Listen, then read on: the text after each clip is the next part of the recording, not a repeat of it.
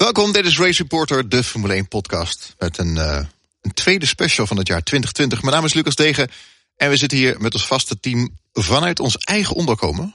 Ik zit hier op mijn knieën. En uh, ja, nee, niet, niet vanwege speciale handelingen, maar we zitten namelijk drie meter van elkaar vandaan in Haarlem. Uh, hele bijzondere manier nu, gaan we zo even foto's van maken. We zitten inmiddels al een eeuwigheid zonder Formule 1, zo voelt het. En daarna hebben we vandaag een, ja, een klein beetje toch wel een serieuze podcast op. Een special. eerst wil ik even weten, kort, stel je even voor en hoe gaat het met jullie? Nou, ik ben Sorry Alving en het gaat op zich vrij prima. met hele corona, corona perikelen gaat het leven toch allemaal door. Dus we maken er gewoon wat van naast het werk. Maar even goed met simracen ben ik nog wel lekker bezig. Hebben jullie ongetwijfeld wel gezien. Um, nou, ja. Maar noem je je kanaal even?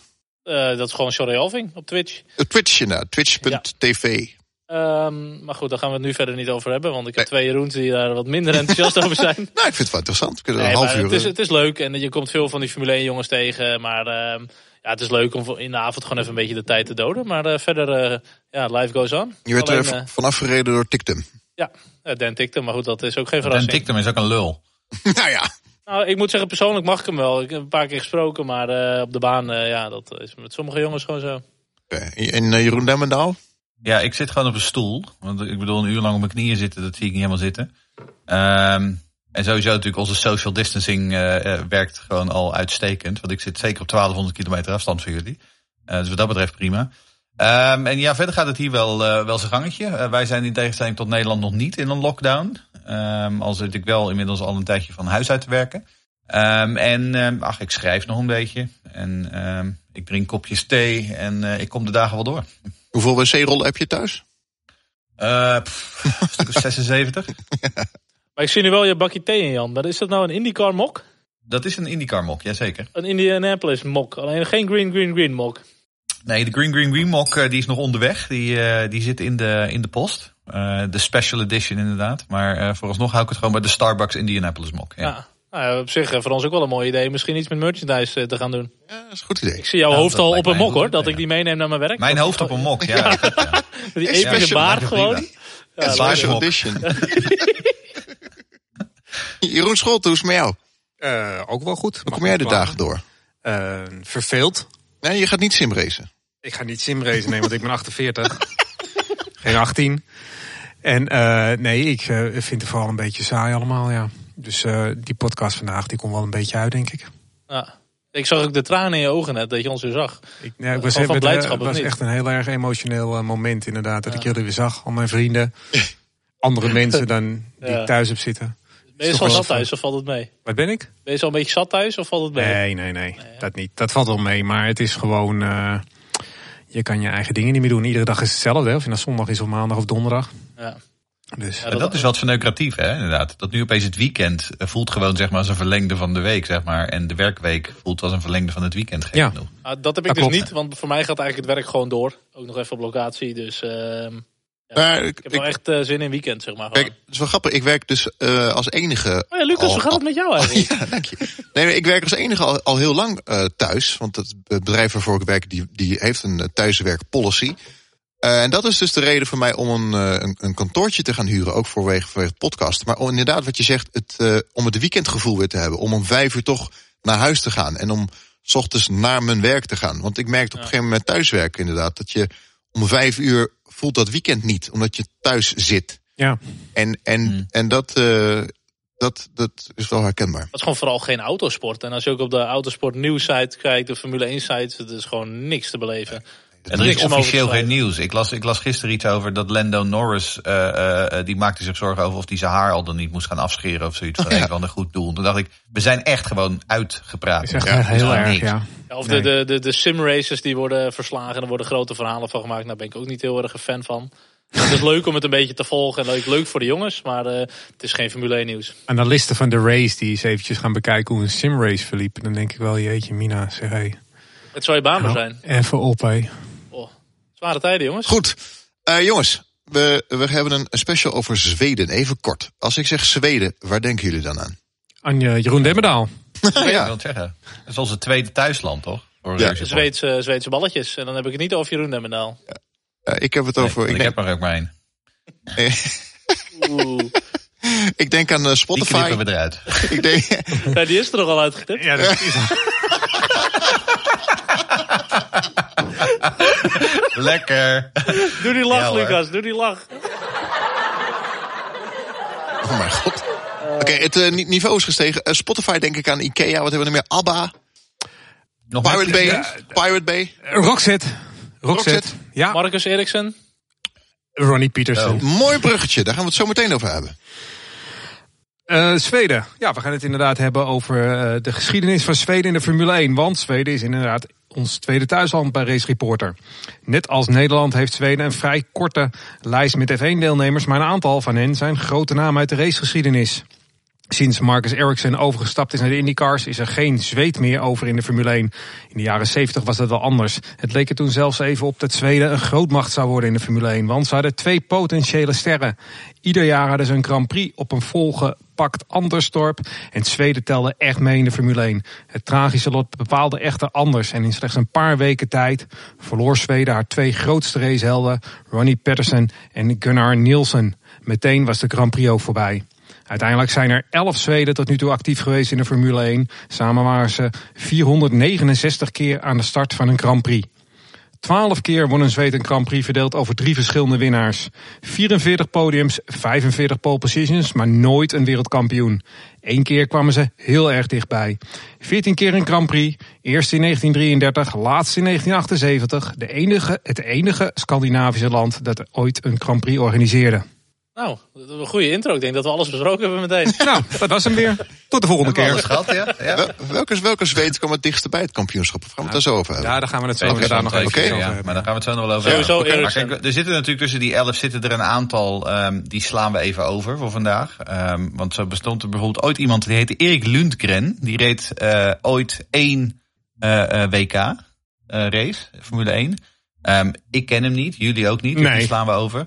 Dan hebben we Bertil Roos, dat is ook één hele Grand Prix wel. Dan hebben we Torsten Palm, die heeft er wel twee. Ehm, en dan bestaat er nog Connie Andersson, die eh, geboren is in Allingsås trouwens. Dat is hier niet zo heel ver vandaan. Allingsås is verder een heel leuk eh, dorpje, maar eh, qua ehm, ehm, carrière we- weet ik niet zoveel van Connie Andersson, dus die slaan we even over. In plaats daarvan beginnen we met Joachim Bonnier. En wie is Joachim Bonnier? Nou, Joachim Bonnier was een product van zijn tijd. ehm, zoals dat heet, een gentleman racer. Want dat weten we allemaal. De autosport was ooit begonnen als hobby van allemaal rijke mensen. Die te veel geld en te veel tijd hadden. Ehm, en Joachim Bonnier was, eh, kwam uit een familie, de Bonnier-familie. En die zijn in Zweden wereldberoemd. Ehm, eigenaar van een aantal kranten hier. eh, ook eigenaar van de grootste boekenuitgever van het land. Dus echt eh, de elite van, van Zweden. Ehm, en Bonnier die, eh, die ging in de jaren 50 eh, ging hij, eh, aan, het, aan het racen. Eerst met een, met oude Maserati. Ehm, daarna begon hij voor BRM, schreef hij, race hij. Ehm, en hij won in 1959 vanaf pole position de Grand Prix van Nederland in Zandvoort. Dat was zijn enige overwinning en het was de eerste voor BRM. Daarna reed hij als teamgenoot van Dan Gurney voor Porsche. En reed ook als privateer heel veel Grand Prix met zijn eigen materiaal en team. Ehm, Was dat, ook, zo- was dat ook de eerste Zweedse overwinning in de Formule 1? dat was de eerste Zweedse overwinning in de Formule 1, ja. Ehm, Ik- want hij was eigenlijk, ik, wat ik zeg, een aantal van de namen die ik eh, eerder noemde, die waren eh, net iets eerder dan hij. Maar Joachim Bonnier was de eerste die daadwerkelijk ehm, een naam Resultaat vestigde. en resultaten haalde. Ehm, nou, in Zweden, eh, wij zijn heel erg van de, eh, van de, van de verkeersveiligheid hier. Ehm, en ehm, Joe Bonnier was de eerste president van de Grand Prix Drivers Association. Ehm, en was ook heel erg eh, begaan met de veiligheid in de Formule 1. Ehm, ik weet niet of jullie ooit de film Grand Prix van John Frankenheimer hebben gezien uit 1966. Jazeker. Maar daar zou Joe Bonnier ook aan meedoen. Want de opnames voor die, voor die film werden gedaan tijdens de Belgische Grand Prix van 1966. Ongelooflijk slecht weer. Ehm, ehm, pure stortregens. Ehm, en als we Phil Hill moeten geloven, die kennen jullie misschien nog wel uit onze vorige eh, special rond eenmalige wereldkampioenen. Eh, Joe Bonnier die viel uit in de eerste eh, ronde van die race. En die eindigde volgens Phil Hill op de bovenverdieping van een huis dat naast de baan stond. Zo zwaar was die klap. En als gevolg daarvan kon hij niet deelnemen aan de filmopnames die later na de wedstrijd gepland waren. Um, hij is uiteindelijk wel heel kort even te zien, maar dan toch vooral, zeg maar, het is een cameo. Um, zijn rol zou aan, aan, uh, aanvankelijk veel groter zijn. Um, Joe Bonnier helaas, uh, net als zoveel mensen in die tijd, ja, uh, werd niet oud en ging niet ten onder aan, aan gewoon oudheid. Nee, hij reed in 1972 naar Le Mans, de 24 uur. En dan zou hij samen met een teamgenoot, niemand minder dan onze eigen Gijs van Lennep, zou hij zijn laatste race rijden. Want dat, was zijn, dat zou zijn laatste seizoen moeten worden. Alleen, ja, hij crashte op de Mulsanne Straight. op zeer hoge snelheid, eindigde in een paar bomen. Um, en liet het leven. Um, dus ja, de veiligheidsvoorstrever, uh, um, de, de, de voorvechter van de veiligheid, uh, liet uiteindelijk net ook het leven en, en stopte zeg maar net te laat. Goed, Mulsanne Strait, dan noem je ook wel een plek waar dat echt gigantisch hard gaat altijd. Ja, en dat was in die tijd ook nog zonder tijd. de chicanes, hè? Ja, dat bedoel ik. Dus uh, hij was nog iets van 15 jaar gereisd dan of zo. Dat is in ja. die tijd. Uh, Heel lang. 108 Grand Prix op zijn naam. En dat in, ja. voor iemand in de jaren 50, 60 vooral reed, is dat best wel lang, ja. Ja, ja toen, waren die, toen waren die kalenders ook maar 9, 10, 9 of 10 races hoor. Nou, precies daarom. Nog, ja. Oké. Okay. De volgende. Reine Wiesel. En dan kijk ik even naar Jeroen Demmedaal of ik het goed heb uitgesproken. Ja, de klemtoon zou ik iets anders zeggen. Reine Wiesel. Wiesel, hè? Wiesel, ja, ik wilde het al zeggen eigenlijk. Dan, dan, had ik eigenlijk een streepje willen zien op de E. maar dat is een, dan een gebrek in het Zweeds, denk ik. Maar goed, Reine Wiesel. Coureur uit, uh, uit de jaren 70 van de Formule 1. Uh, hij was een beetje, wat mij betreft in ieder geval, ik heb hem nooit zien rijden natuurlijk, maar hij was een beetje de Heinz Harald Frensen van Zweden. En in die zin dat uh, de man was getalenteerd, best wel getalenteerd, uh, bij een land wat eigenlijk niet echt heel erg Formule 1-minded was. maar net als Heinz Harald Frensen had met Michael Schumacher werd hij nogal overvleugeld door een veel betere coureur, door Ronnie Peterson namelijk. En ehm, dat is eigenlijk wat de, tragedie rond Wiesels carrière. Uh, hij was een winnaar in de Formule 3 in 1967 in Zweden. En uh, hij debuteerde ooit op Watkins Glen in 1970 in de allereerste race van het seizoen.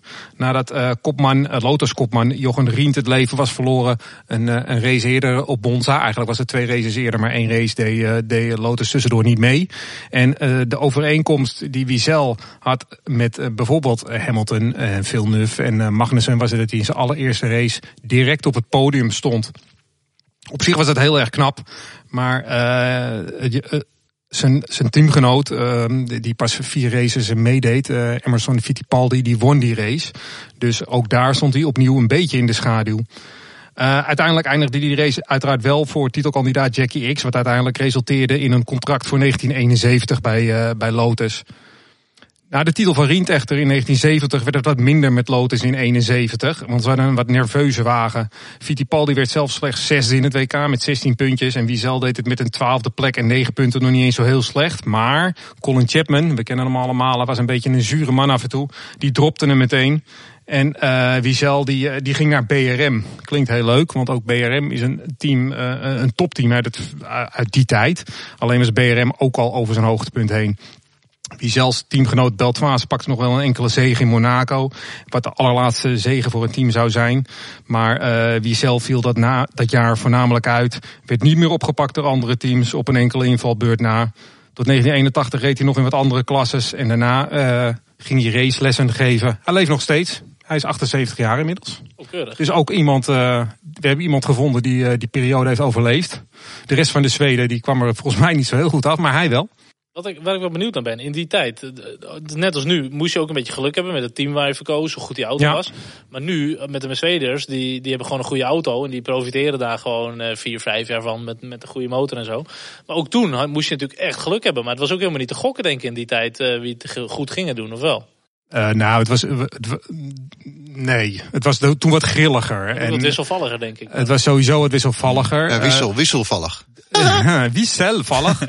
en er was veel meer Er was veel meer mogelijk in de regels. Hè? Dus uh, Colin Chapman stond er nogal onbekend. Uh, maar ook uh, Gordon Murray later en dat soort dingen. Die kwamen nogal met radicale ontwerpen. Die in één keer een auto echt naar voren konden helpen op de grid. Of juist helemaal niet. Daarvoor had Lotus, die zie je dan, dat staat dan echt als topteam te boek. Maar die hebben ook echt een paar hele slechte jaren tussendoor af en toe gekend. Maar dat is volgens mij wel echt die ontwikkelingsstrijd. En nu zie je dat heel erg in de fabrieken en op de details. En, en heel sneaky. Ja, maar, nu had je natuurlijk veel sneller dingen die je op de auto kon zetten, kon proberen. Die hadden Ja, veel want. We hebben het nu natuurlijk over het DAS-systeem van Mercedes, wat een innovatief is. Maar voor de rest zien we niet zoveel innovativiteit. En toen was het Ja. natuurlijk En schering en inslag. dat levert dan bijvoorbeeld twee tienden op of zo, weet je wel. Ja, nee, dat klopt. Ja, de gaten waren toen ook veel groter. Hè?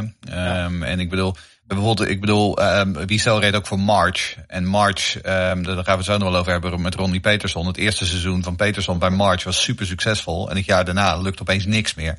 Um, en dat was inderdaad destijds met Lotus ook zo. BRM, hè, wat ik zeg, Bonnier won een wedstrijd met ze. Um, maar die waren toen ook al behoorlijk op de weg uh, terug. En die hadden ook gewoon een paar behoorlijk uh, beroerde seizoenen. Ja. Um, dus het was inderdaad, en, en de, de, gaten en de verschillen onderling waren ook veel groter. He, je, kon, je kon drie, vier, vijf seconden langzamer zijn en nog steeds in de top 10 kwalificeren, bij wijze van spreken. Ja. Tegenwoordig zit het natuurlijk allemaal veel dichter bij elkaar. De Formule 1 podcast. Race Reporter. We gaan uh, door naar een andere uh, rijder. De grootste F1 zweet uit de geschiedenis. Uh, Ronnie ja, Patterson. Ja.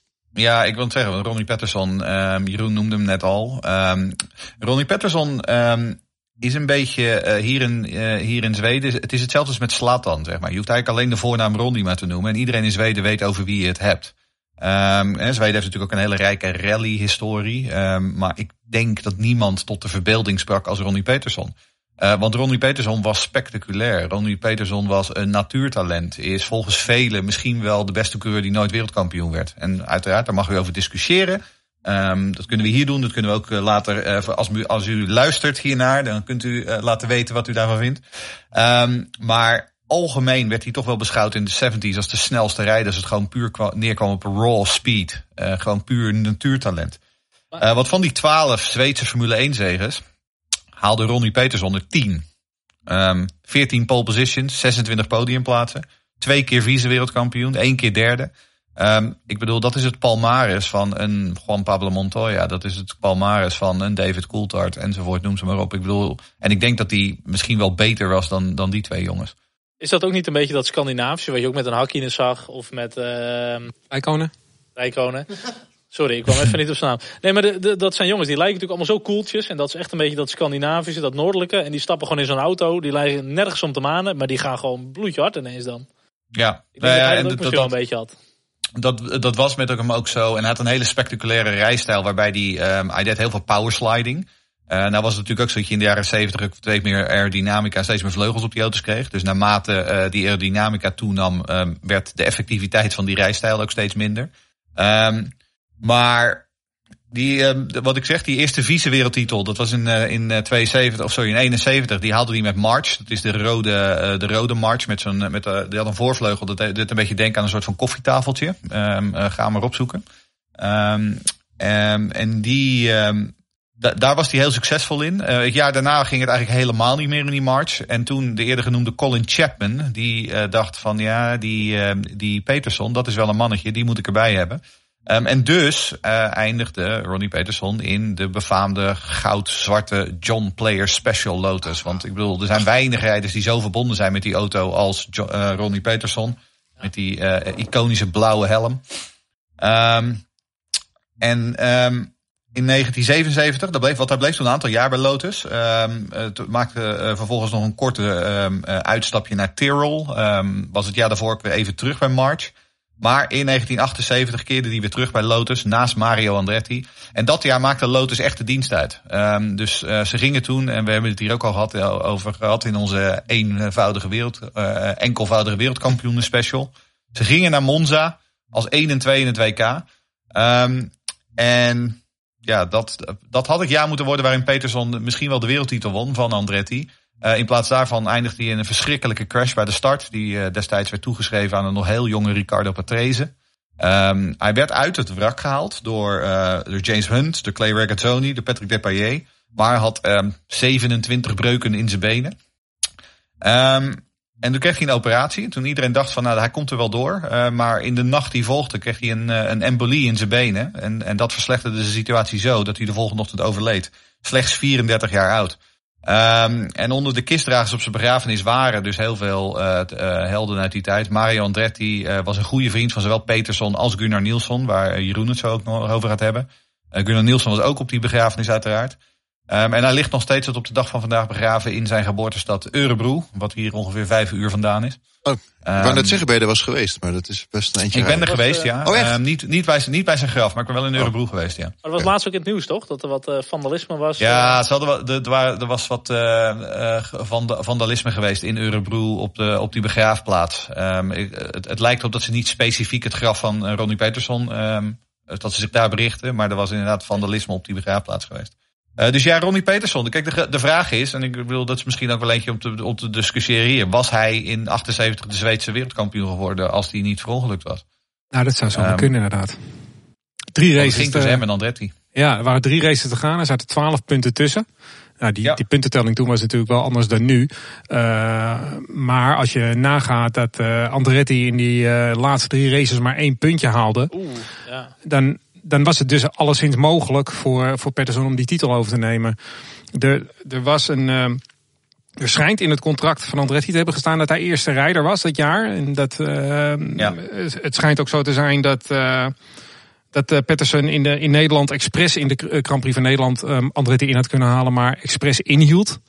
En Andretti zou voor aanvang van Monza hebben gezegd dat ze de laatste twee races voluit wilden rijden. Want hij wilde, ja, wel gewoon echt hij wilde echt gewoon, wereldkampioen worden. En hij wilde dat contract eh, eventjes negeren en daar vol voor rijden. Ja, toen kwam de dramatiek natuurlijk die Jeroen net al omschreef. Ja. Ja. Want die crash was in Monza. Nou, de, de, de, de drie edities daarvoor had hij ook gewonnen op Monza, of niet? Eh, Ehm, hij- ja, dat klopt. Ja, Want, hij, want hij zat ook in die, dit was ook die befaamde wedstrijd in 76. Of eh, nee, nee, nee, dat is, dat is nog iets vroeger nog. Hij heeft die befaamde wedstrijd op Monza, waarbij Peter Gethin in de, BR, in de BRM won met eh, een duizendste van een seconde verschil. Waarbij ze met z'n vijven over de finishlijn kwamen binnen twee tienden. Ja. Ehm, en daar was, ehm, daar was Peterson toen ook bij betrokken. Maar hij won inderdaad in 76 in Monza eh, met een march. En misschien in 77 ook wel, ja. Nou, ik moet, ik moet heel eerlijk zeggen, gevoelsmatig eh, zou ik wel gedacht hebben dat Pietersen die, die titel wel binnen had kunnen halen. Want eh, zoals ik het begrepen heb, en ik heb hem natuurlijk nooit zien rijden, maar zoals ik het begrepen heb, was hij echt wel een van de, van de allerbeste qua natuurtalent die ooit gereden heeft. Een van de allersnelste. En ik denk dat Andretti Nou, daar wel lastig mee zou hebben gehad, gezien zijn ene puntje in die laatste drie wedstrijden. En wat hij natuurlijk ook deed, eh, daar gaan we het zo nog wel over hebben. Hij creëerde samen, eh, met- in mindere mate samen met Gunnar Nielsson, een soort van eh, populariteit van de Formule 1 in Zweden die het land nog nooit gehad had. Absoluut. want we gaan het later ook over Stefan Johansson hebben. En Stefan Johansson was bijvoorbeeld iemand die echt eh, eh, ging racen, omdat hij eh, die, eh, die jongens in de jaren 70 ook zag. Zou je dat Ja. een beetje kunnen vergelijken wat Zweden toen had, wat wij nu met Nederland hebben? Met heel veel succes Ja, een in de beetje wel, ja. autosport. ja. Zeker. Max Ja, exact. Verstappen, eh, met Racing Team Nederland, dat soort dingen allemaal. eh.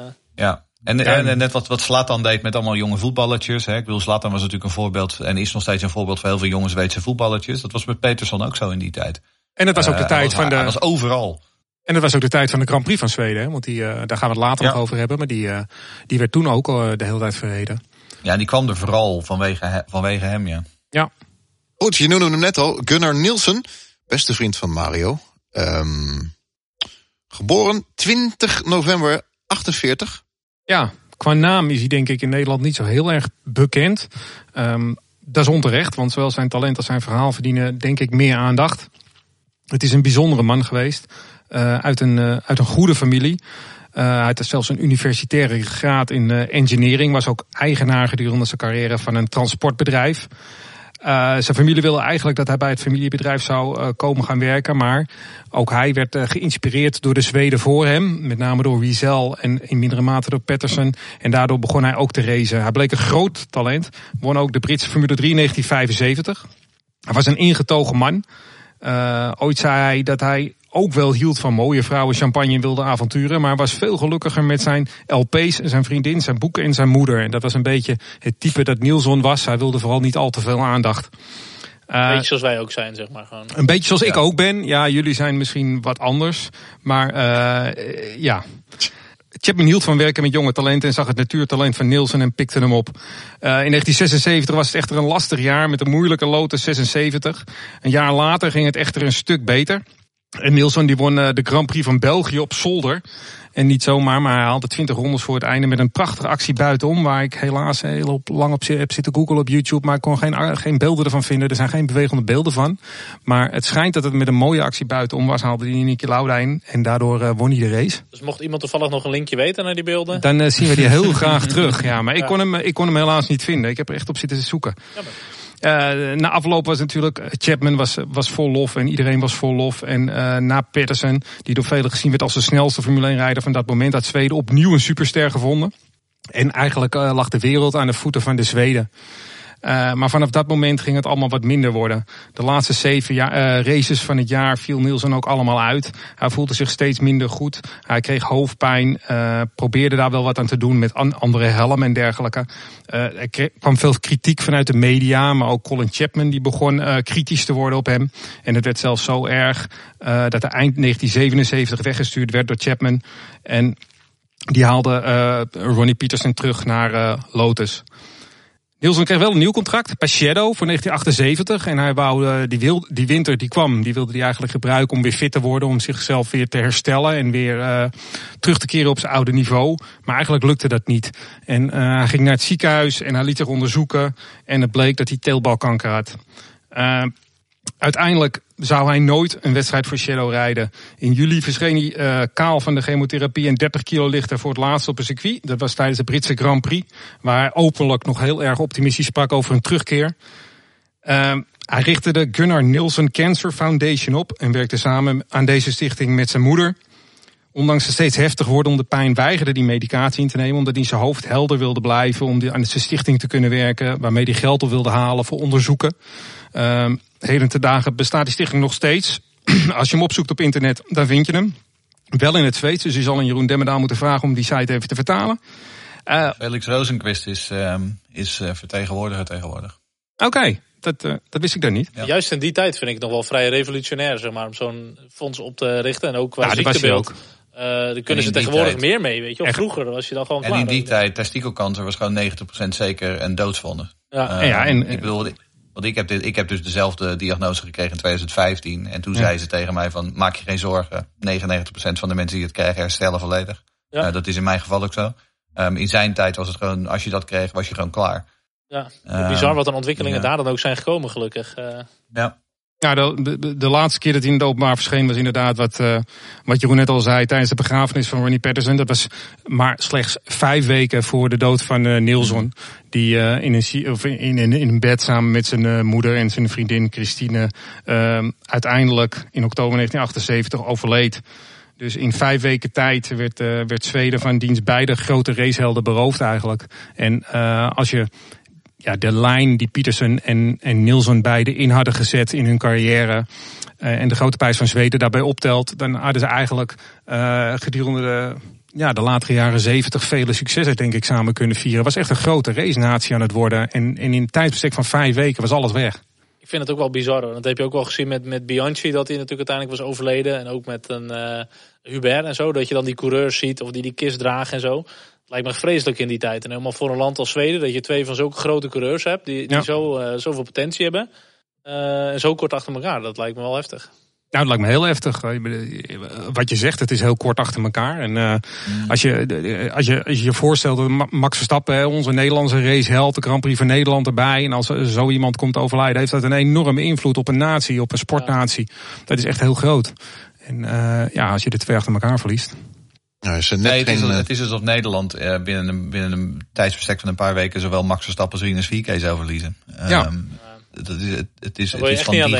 Maar, nee, daar moet je niet aan denken, inderdaad. En, en, en uh, ik wil het zeggen, maar dat is wel ongeveer waar je het mee kunt vergelijken. Omdat ja. ze gewoon allebei, uh, de een was een hele grote ster al en de ander was op weg te worden.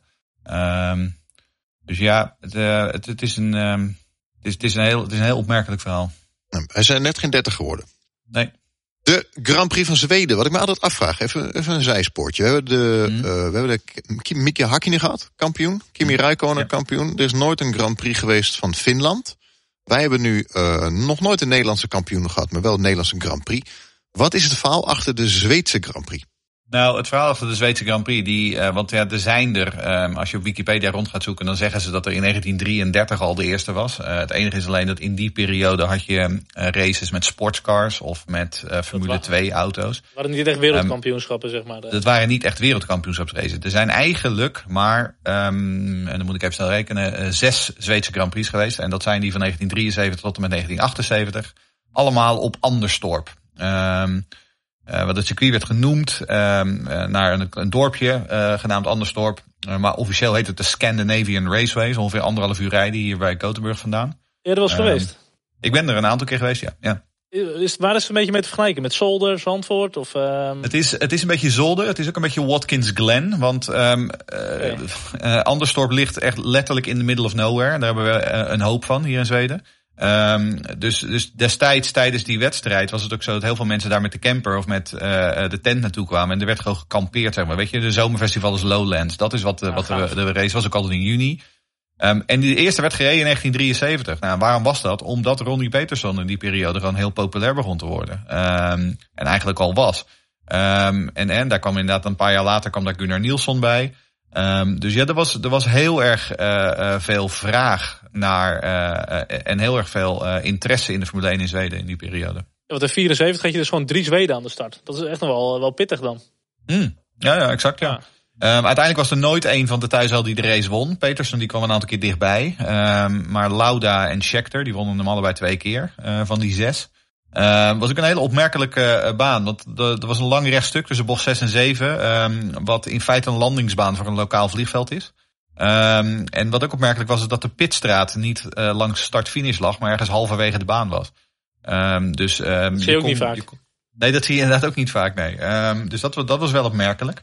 En uh, dit is, nou, als we, als we een paar hoogtepunten noemen. Dit was in 1976, won Jody Scheckter hier de, in de Tirol 6-wieler, de P34. Ja, dat was de klopt. eerste en enige overwinning van de P34. Dat was op Anderstorp. Um, en dan natuurlijk die laatste race in 1978. Dat was de uh, race met de befaamde fancar van, uh, van Brabham. Brabham waarbij ze ja. een soort van, uh, ja, soort van stofzuiger achterop hadden gezet. en Niki Lauda die zette het hele veld op, een, op ruim een halve minuut. Um, en daarna heeft Brabham vrijwillig die auto teruggetrokken. Um, hij is nooit officieel verboden geweest, maar ze hebben hem vrijwillig teruggetrokken. Nou ja, en zoals we net al zeiden, Peterson en Nielsen uh, lieten allebei het leven in 1978. Um, ja, en toen nam de interesse in de Formule 1 in Zweden wel heel erg hard af. Um, dus voor 1979 stond de Zweedse Grand Prix nog op de kalender, maar werd uiteindelijk gecanceld. ja, dit jaar krijgen we als het goed is, en als, als hè, uh, de coronavirusgoden het willen, uh, krijgen we de internationale motorsport weer terug op Anderstorp. Want DTM komt naar uh, Anderstorp toe. De, W-series. En de W-series. Ja. En dan heb ik nu een quizvraag. Ah, want wie wie heeft het all-time ronderecord op Anderstorp? Oeh. Ik denk uh, Lauda met zijn fan. Uh... Ja, ik zat ook te denken ja, Lauda. Maar het kan ook Andretti zijn. Het was Niki Lauda. Uh, en toen, um, een paar jaar geleden, werd het verbeterd door iemand die wij allemaal wel kennen.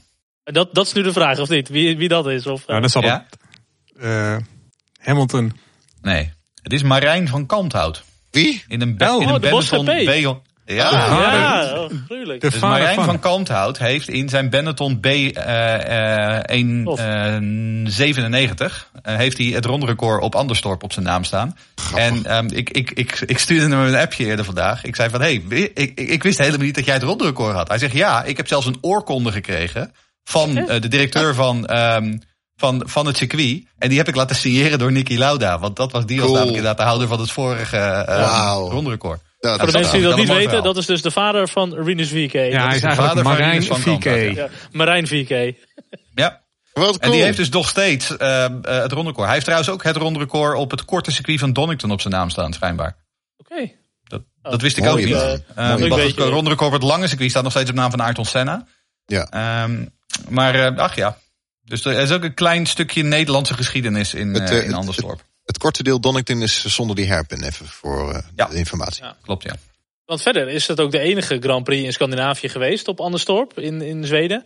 Uh, ja. Maar een aantal jaar geleden waren ze natuurlijk wel weer bezig. En ook voor mij met, met Denemarken is nog wel een beetje geflirt. Ook met, ja, met, er waren uh, heel veel. Er waren vrij Kopenhagen. vergaande plannen voor een ja. stratenrace in Kopenhagen. Ja. Uh, voor mij was het dat, dat Liberty ook een beetje. Voor mij was het een beetje dat Liberty weer in beeld kwam, toch? En dat ze een beetje gingen kijken van hoe kunnen we die kalender wat tactischer ja, indelen, betere spreiding.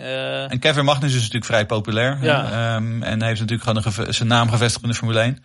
Eh, maar vooralsnog, uh, volgens mij is dat, uh, is dat Kopenhagen verhaal nu weer van de baan af. Is er, is er nooit een Grand Prix van, van Finland in de, Nee. in de picture geweest? Nooit. Heb je Nee. nog niks gewoon? Alleen Zweden heeft Van een, de baan eh, af. eh, van de Scandinavische Ja. landen een Grand Prix er gehad. zijn er wel een beetje bekende banen verder nog. eh, Finland heeft MotoGP, toch? Mm, volgens dacht mij ik. niet. Finland had in de Ja. jaren negentig een, eh, een stratenrace in Helsinki voor eh, de DTM. Ja. Daar reed eh, toen, dat was in de, dag, in de dagen dat Keke Rosberg nog DTM reed. Het is inderdaad veel rally wat ze doen daar, denk ik. eh. Ja, het is vooral een rallyland, hè, Finland. Nee, maar we hebben wel Mickey Haken en Kimi, Kimi gehad. Maar geen Finse Grand Prix. Nee. Nee. Heel apart. We hadden het over Zweden. En toen dacht ik dus Spotify en onder andere ABBA. Waar eh, mijn moeder eh, alle platen van heeft. ABBA heeft ooit een Formule 1 rijder of team gesponsord. En eh, ja, ik speel hem gewoon door naar Jeroen. Omdat ik zijn naam niet weet. Wie Slim- was, wie was die rijder? Slim Borgut. Slimborgut. Ja, dat is wel een hele mooie naam. Mm. En als je naar zijn, eh, zijn Wikipedia-pagina kijkt, dan denk je, nou ja, dat is ook een voetnoot in de geschiedenis van de Formule 1. 15 Grand Prix gereden, 10 starts maar. In 1981 begon hij in San Marino en eindigde in 1982 in, eh, in Amerika. Meer was het niet, maar eigenlijk is het wel een heel mooi verhaal, die jongen. Want hij begon zijn loopbaan helemaal niet als racer. Hij begon zijn loopbaan als drummer van voornamelijk jazzmuziek.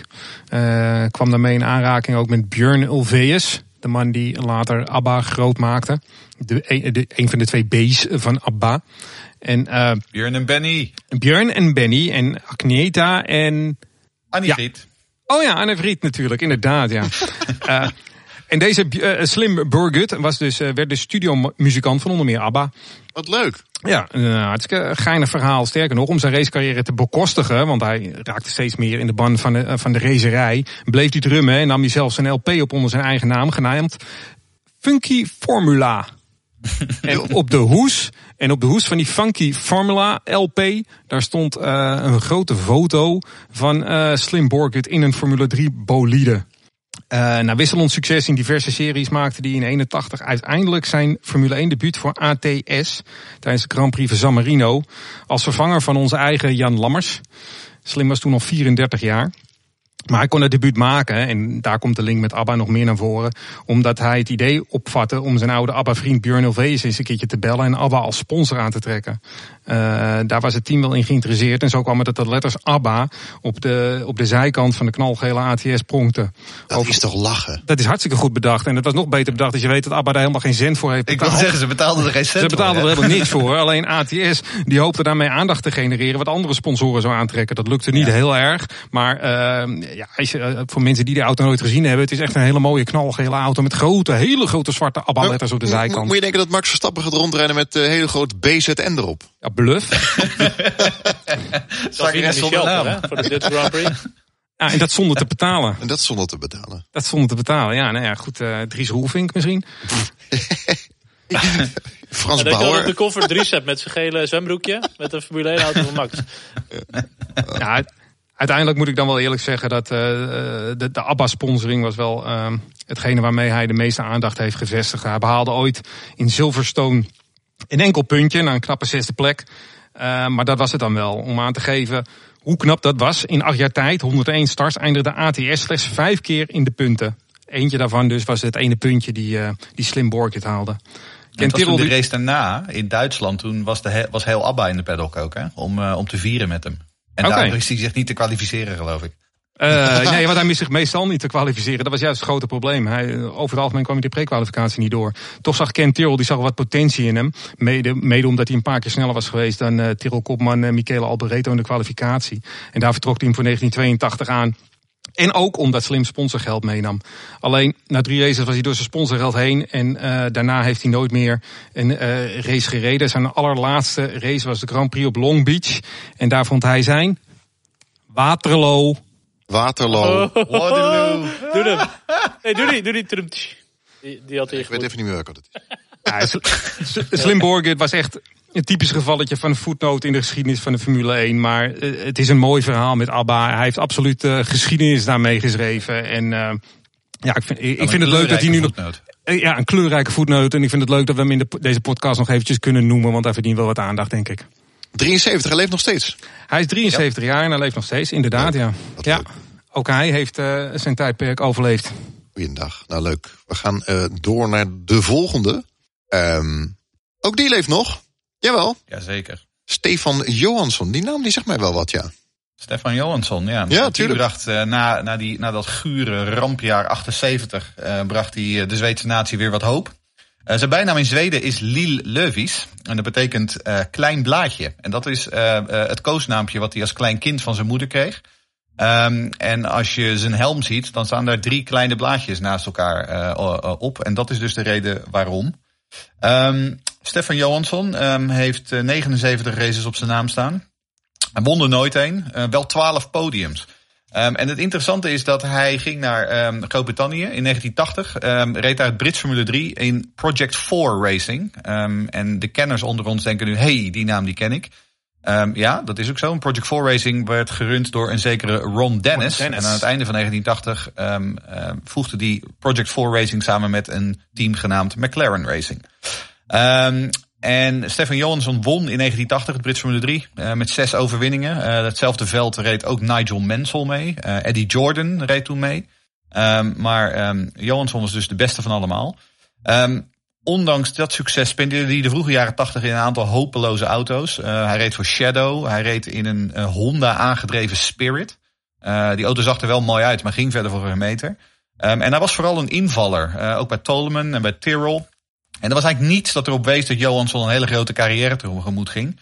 Totdat hij begin 1985 weer een invallersjob kreeg. Maar nu bij Ferrari. Als vervanger van uh, René Arnoux, die na één wedstrijd in 1985 al ontslagen werd door Ferrari. Um, en Johansson, ja, heel simpel, die greep die kans met beide handen aan. Uh, al in zijn tweede race voor Ferrari op Imola reed hij aan kop. Was hij op weg naar een zege, haalde twee ronden voor het einde Ayrton Senna in. Uh, en toen we nog een halve ronde te gaan, kwam hij zonder benzine te staan. Dus dat was dan een beetje jammer. Um, Alboreto was de kopman dat jaar voor Ferrari. Uh, maar Johansson was wel een, um, een goede uh, tweede man. Werd tweede in Canada, tweede in Detroit, zevende overal in het kampioenschap. En dus mocht hij voor 86 ook blijven. Um, haalde hij meer podia. Uh, eindigde hij als vijfde overal in het WK. Ruim voor Alboreto. die op papier nog steeds de kopman was en ook veel beter betaald kreeg. En toen om, nou, om onbegrijpelijke redenen. Aan de andere kant, het is ook Ferrari. Dus alles wat wij onbegrijpelijk vinden, dat vinden ze bij Ferrari volledig normaal werd niet Alboreto, maar Johansson vervangen voor 1987. Um, en dus um, had Johansson een, uh, een nieuwe stoel te pakken um, voor 1987 bij McLaren. Daar werd hij teamgenoot van Alain Prost. Nou was het wel zo dat hij bij McLaren voor 1987 vooral de stoel van Ayrton Senna warm hield. Uh, want uh, Ron Dennis wilde eigenlijk gewoon Ayrton Senna die auto hebben, maar kon hem nog niet losweken voor 87 bij Lotus. Um, dat ging pas voor 1988 gebeuren en dus mocht um, um, uh, Johansson een jaartje McLaren rijden. Um, hadden die daar nog een aantal podiums, maar in tegenstelling tot Prost, die drie races won, uh, won hij er geen één. Hij heeft wel dat jaar, en dat is wel een verhaal om even op te zoeken. Hij heeft een verschrikkelijk ongeluk gehad in Oostenrijk, waarbij hij op volle snelheid met ongeveer te, uh, 300 km per uur tegen een hert aanreed. Wat in een blinde bocht op de befaamde oude Oostenrijk ging. Dat je heel veel blinde bochten. En hij reed dus door een van die blinde bochten heen en toen opeens kwam hij een hert tegen. Ja. Um, hij zegt zelf daarover dat als dat hert hem ongeveer 10, 10 uh, centimeter naar rechts uh, zijn auto geraakt had, dan had het ongetwijfeld, um, dan was hij er niet meer geweest. Um, maar goed, uiteindelijk overleefde hij dat wel.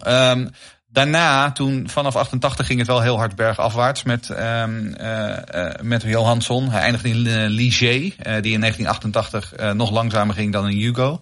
De meerdere keer wist hij zich gewoon niet te kwalificeren in die auto. Um, ook wel ironisch dat hij, dat hij toen de teamgenoot was van René Arnoux, de man die hij bij Ferrari vervangen had.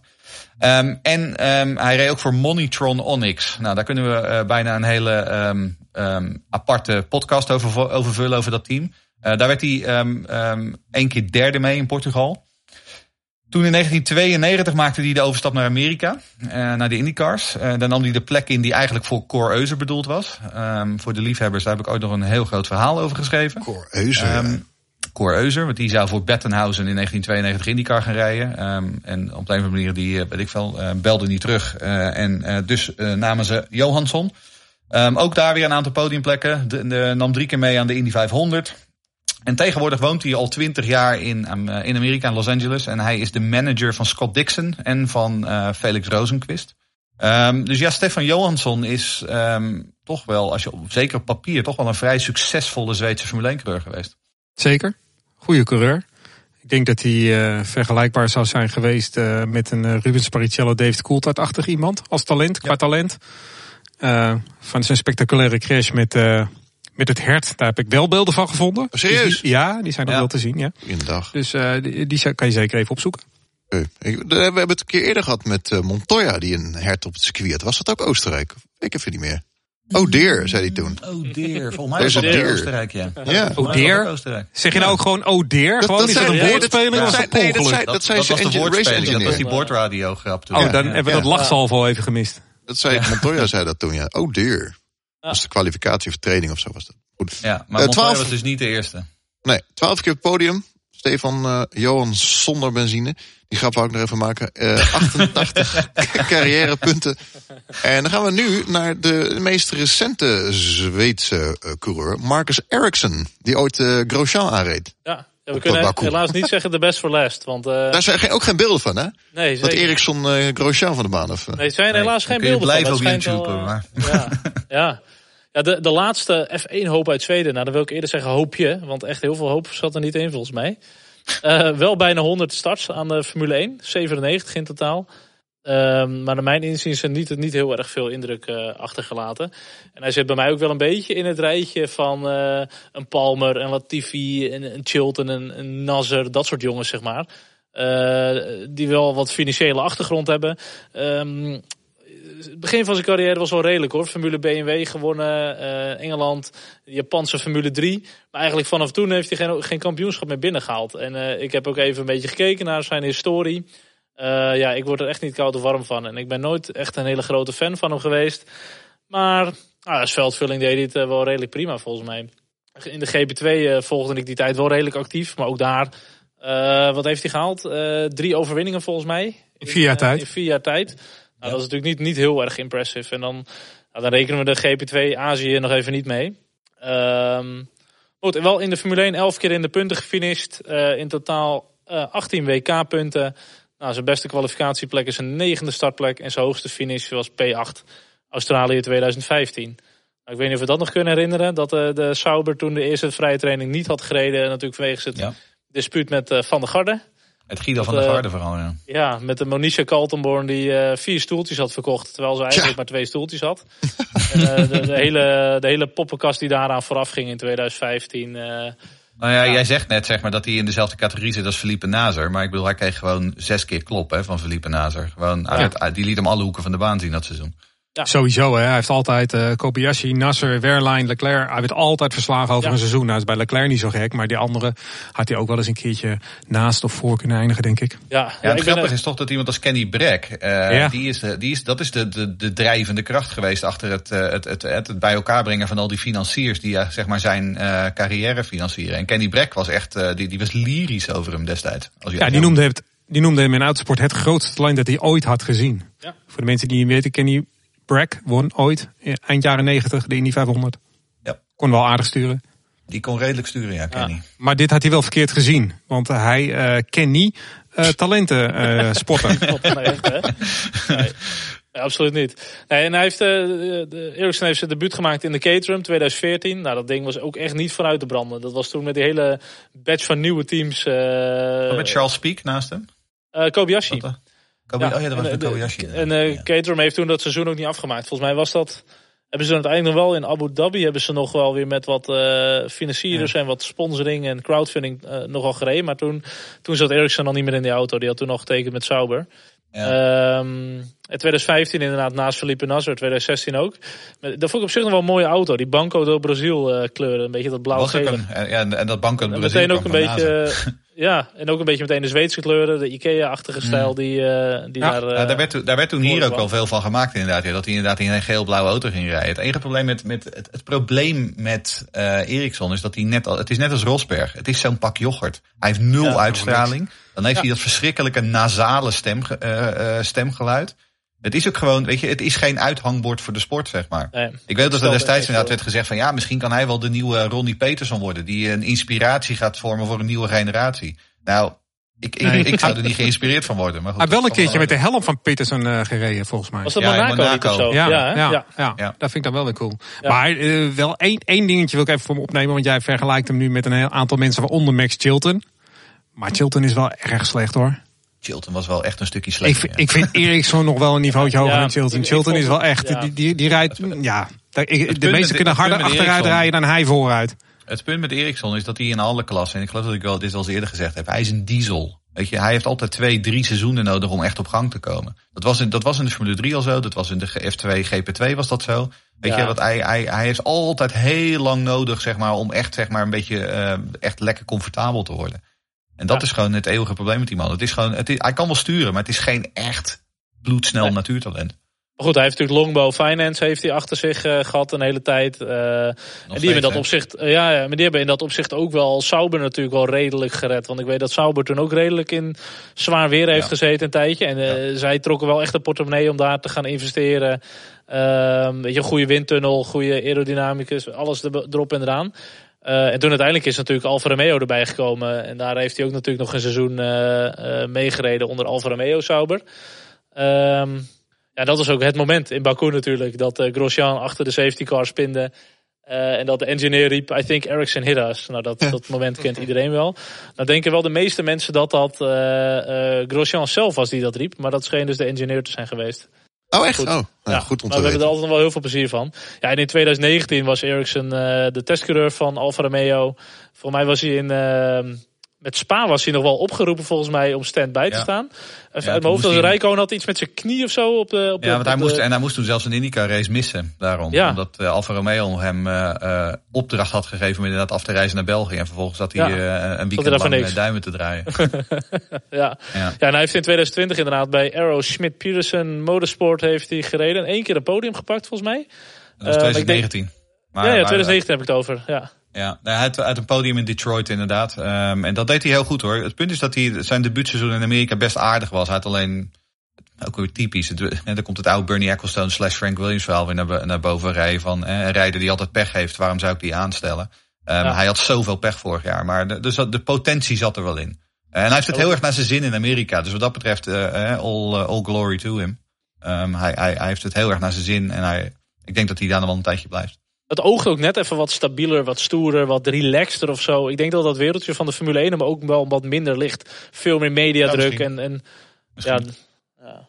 Maar goed, en dit jaar eh, is hij natuurlijk ook weer actief eh, bij Chip Ganassi. Maar goed, eh, er is nog weinig van kunnen zien eh, in de IndyCar.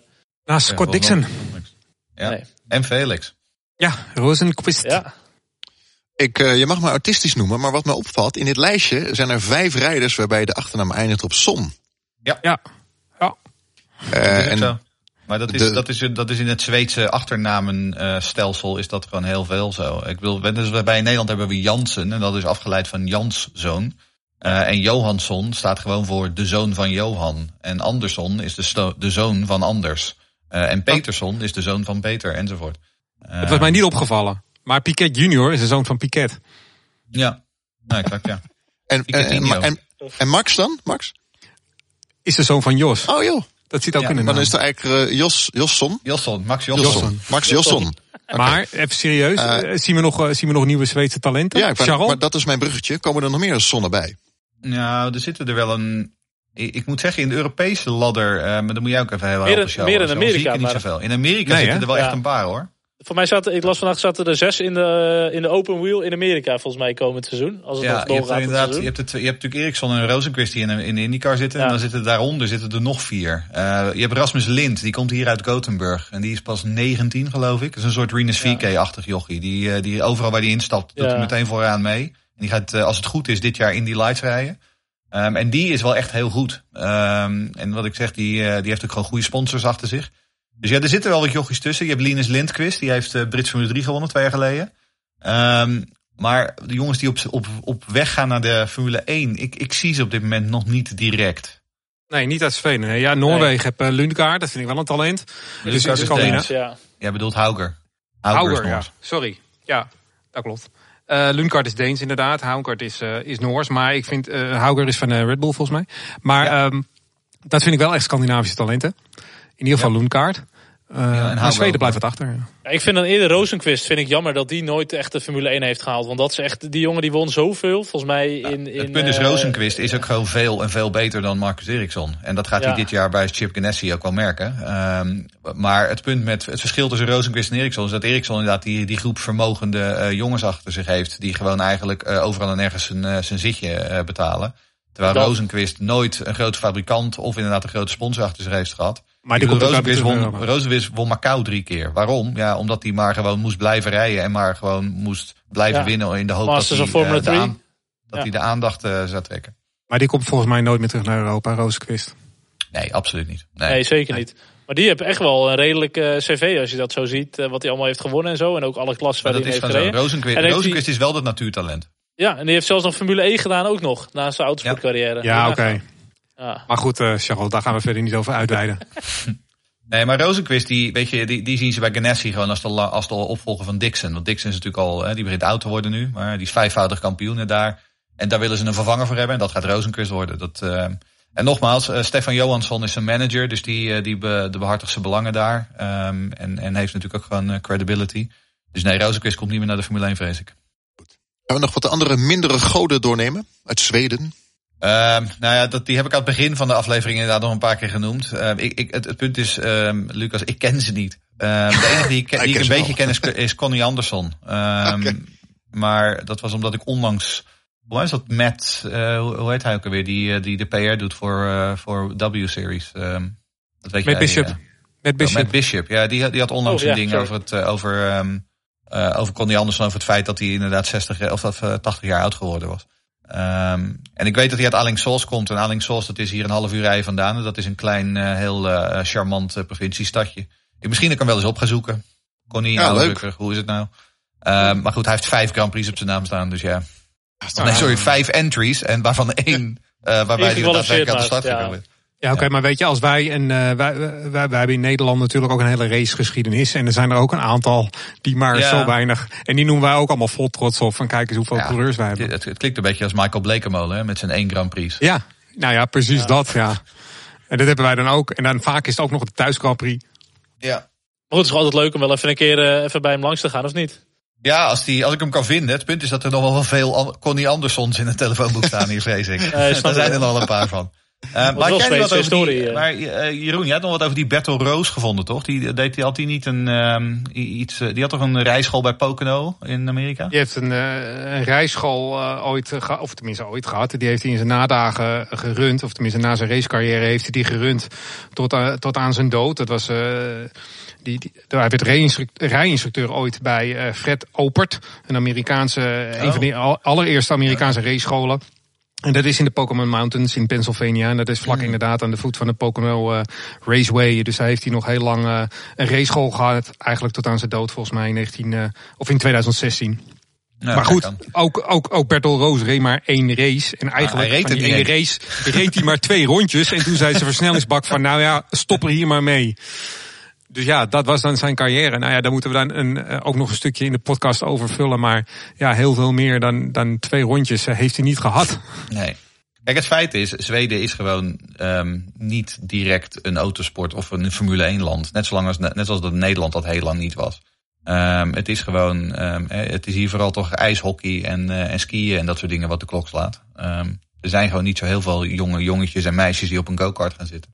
Nee, maar ik moet wel zeggen, dat blijft altijd een beetje eh, hangen. Die, die, die, die tweede helft van de jaren zeventig, toen hadden ze gewoon eh, Ja. kunnen domineren in deze sport.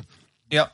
Ze hadden een hele grote... Eh, een klein landje van 10 miljoen mensen toch niet heel gek is. Da- nou, een klein landje, een groot landje van 10 miljoen mensen. Met maar 10 miljoen maar mensen. Met heel weinig mensen Ja. erin. Ja, en één Nederlander. Met een En baard. Nou, ze hebben er Ja. nog wel een paar hoor. Maar, Ja? ja, ja er, zitten, er zitten er een paar honderd hier in Gothenburg alleen al. Oh jee. Jeroen eh, Demmen, Demmensson. Devinson. Nou, Rolandsson. Mijn, mijn vader heeft, echt- heeft een Zweedse voornaam. Die heet Roland. Oh, Dus het zou Oké. zomaar kunnen. oké. Ehm, hebben wij nog, ehm, nog, nog wat? Ik hoop dat de mensen die hiernaar luisterden er wat van geleerd hebben. Dat ze het leuk vonden.